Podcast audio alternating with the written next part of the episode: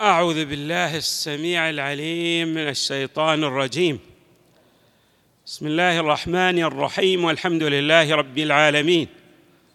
والصلاة والسلام على أشرف الخلق سيدنا ونبينا محمد وآله أجمعين الطيبين الطاهرين. قال الله تبارك وتعالى في القرآن الكريم وجعلنا منهم أئمة يهدون بأمرنا. لما صبروا وكانوا بآياتنا يوقنون. صدق الله العلي العظيم. إمامنا الكاظم عليه السلام نبراس هداية. وبالرغم من الظروف الصعبة والمعقدة التي مر بها الإمام عليه السلام ولكنه قام بأدوار مختلفة ومتعددة. أرست المعالم العامة للإسلام الأصيل المتمثل بمذهب أهل البيت عليهم السلام. وكان له توجيهات سديدة وهدي مبارك يعطيه لتلامذته بصورة خاصة وللناس وللأجيال التي ستعقب الجيل الذي عاشه الإمام بنحو عام.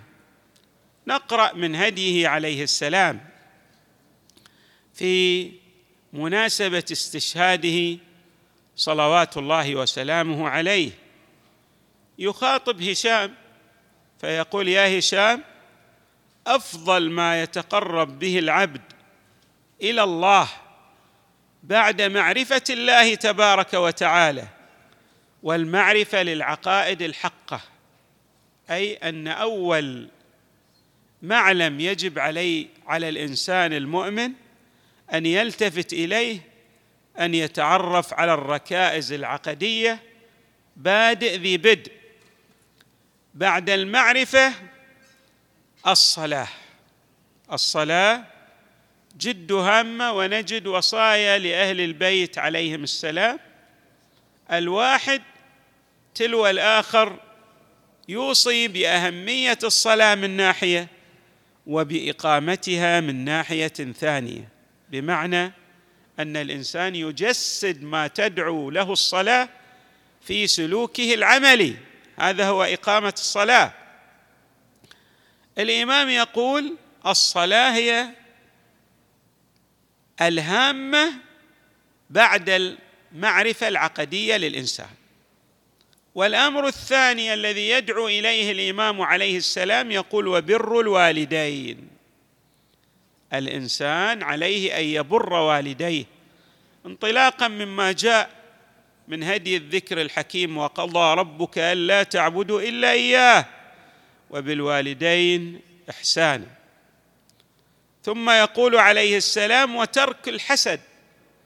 إنسان لا يحسد الناس يرى نعمه عند غيره فيتمنى أن تزول تلك النعمة. وإنما يسأل الله تعالى من فضله. نعم الغبطة محمودة بمعنى أن تتمنى أن تكون كالغير بل أرفع من الغير. هذا لا إشكال فيه. ثم يقول الإمام والعجب.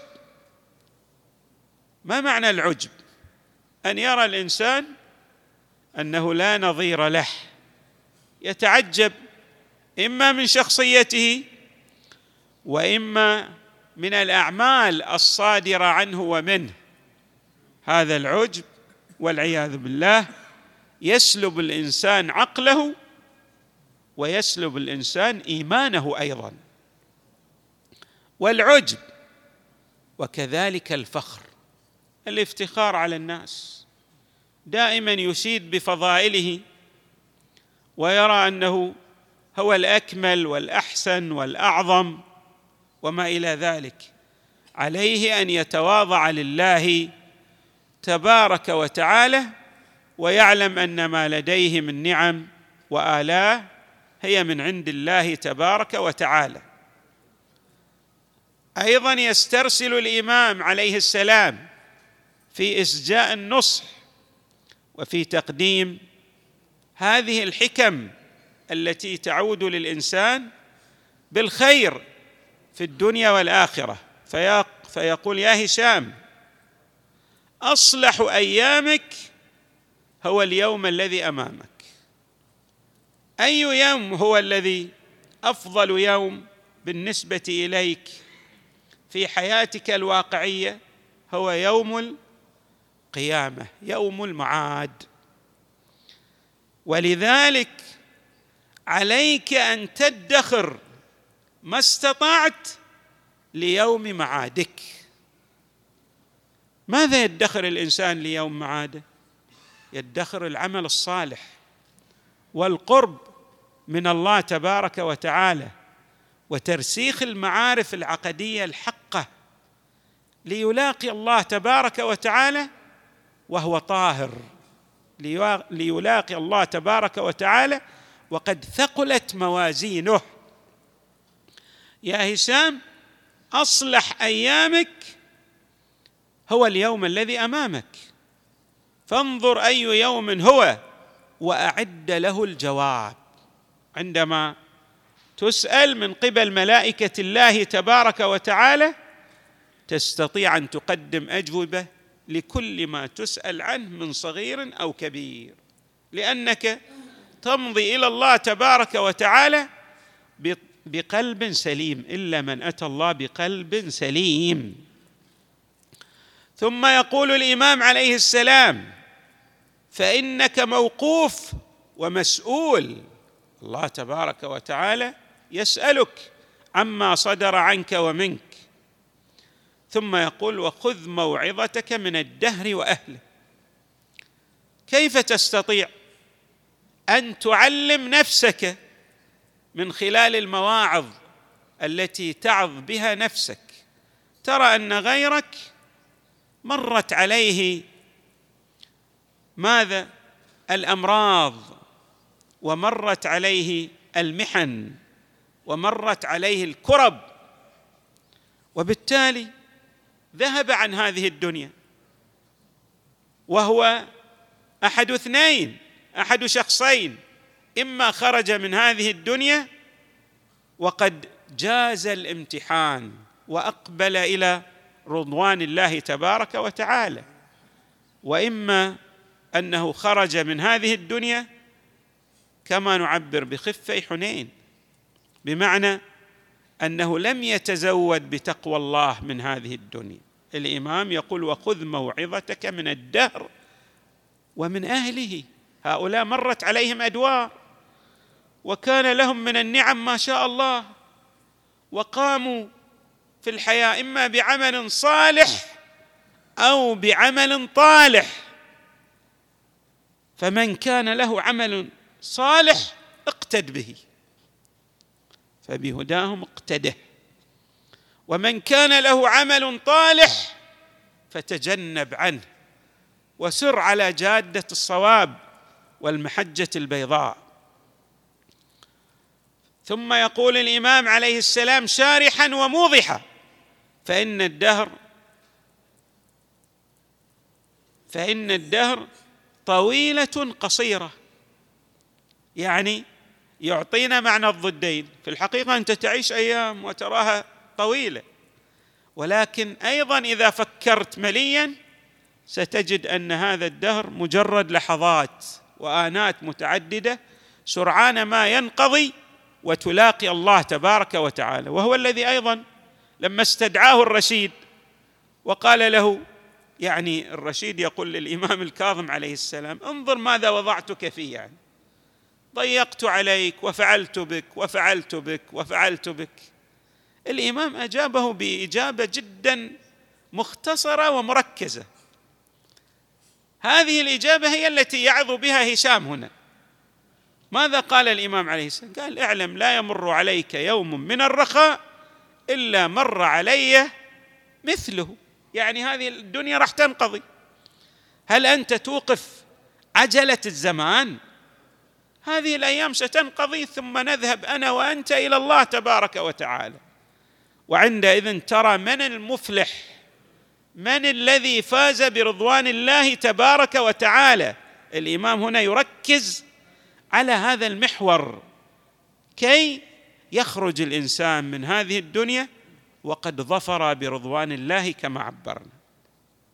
لذلك يقول طويلة قصيرة فاعمل كأنك ترى ثواب عملك لتكون أطمع في ذلك. دائما انظر إلى آثار العمل الصالح واقرأ عن هذا عن هذه الآثار المباركة والطيبة. كي تزداد من الله تبارك وتعالى قربا وأيضا تجاهد نفسك وتسعى إلى تحصيل هذه الملكات التي تدعوك إلى فعل الخير. ثم يقول له واعقل عن الله تبارك وتعالى. وانظر في تصرف الدهر وأحواله بغيرك. هذا الدهر ماذا فعل بفلان؟ وماذا فعل بفلان؟ يفعل بملوك وشخصيات وأباطرة ووزراء وأمراء. فما بالك بالإنسان العادي؟ يعني هؤلاء الذين لديهم إمكانيات ضخمة وكبيرة. أيضا فعل بهم الدهر ما فعل بغيرهم هذه قوانين إلهية تجري على الجميع. وانظر في تصرف الدهر وأحواله فإنما هو آت من الدنيا كما ولى منها. الذي سيأتي كالذي مضى. القوانين واحدة تجري على الجميع تجري على كبار الشخصيات وعلى الناس العاديين كأمثالنا. واعقل عن الله وانظر في تصرف الدهر وأحواله فانما هو آت من الدنيا كما ول منها. فاعتبر بها. ثم ذكر ماذا؟ كلاما عن جده علي بن الحسين عليه السلام. يقول الإمام زين العابدين عليه السلام إن جميع ما طلعت عليه الشمس في مشارق الأرض ومغاربها وبحرها وبرها وسهلها وجبلها عند ولي من أولياء الله تعالى وأهل المعرفة بحق الله كفيء الظلال الظلال كالفيء. الفيء أنت تستظل به ثم ماذا؟ تغير الشمس مسارها ثم يزول هذا الفيء. فأنت تستظل ببعض نعم الله في هذه الحياة الدنيا ثم تترك تلك النعم مودعا إياها ومسافرا إلى الله تبارك وتعالى. هذا كلام إمامنا زين العابدين عليه السلام كفيء الظلال. ثم قال عليه السلام أولا حر يدع هذه اللماضة لأهلها؟ يقول ما في واحد حر يفهم حقيقة الدنيا يعني يستفيد منها دون أن يتعلق قلبه بها.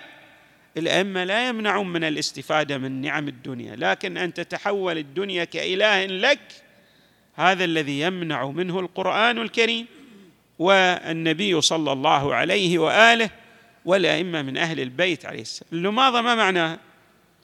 اللماضه كاللقمه التي مضغت ثم لفظت.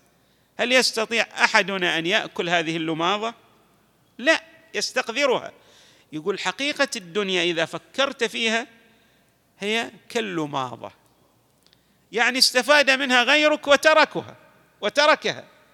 وبالتالي لا بد أن تعرف كيف تستفيد منها فيما يرفع مرتبتك عند الله تبارك وتعالى. ثم يقول الإمام عليه السلام فليس لأنفسكم ثمن إلا الجنة فلا تبيعوها بغيرها فإنه من رضي من الله بالدنيا فقد رضي بالأقل بالخسيس بالوضيع. فعليك أن ماذا؟